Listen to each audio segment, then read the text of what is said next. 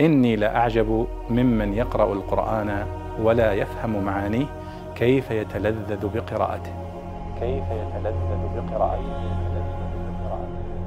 في آخر سورة القيامة في قوله سبحانه وتعالى عن عذاب أهل النار قبل توجههم إلى النار.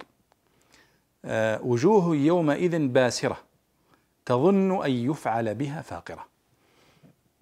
كلمة فاقرة هنا ما معناها وجوه يومئذ باسرة أي سوداء كالحة مظلمة. تظن أن يفعل بها فاقرة. تظن هنا ليس معناها الظن اللي هو غلبة الظن لا.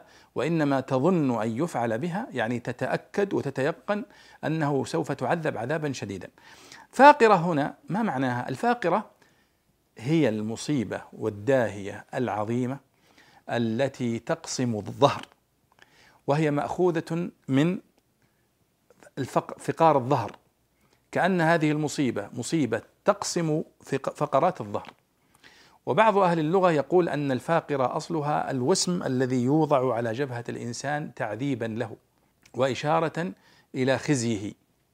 فكأنهم هم عندما بلغهم أنهم سيتوجهون إلى النار أصابهم سواد الوجه كما قال وجوه يومئذ باسرة تتيقن أنها سوف تعذب عذابا عظيما وتبتلى بمصائب كبيرة. وهذا الذي سيحدث فعلا في جهنم والعياذ بالله. فاذا الفاقرة هي الداهية العظيمة الشديدة التي تقسم فقرات الظهر. والعياذ بالله والعياذ بالله.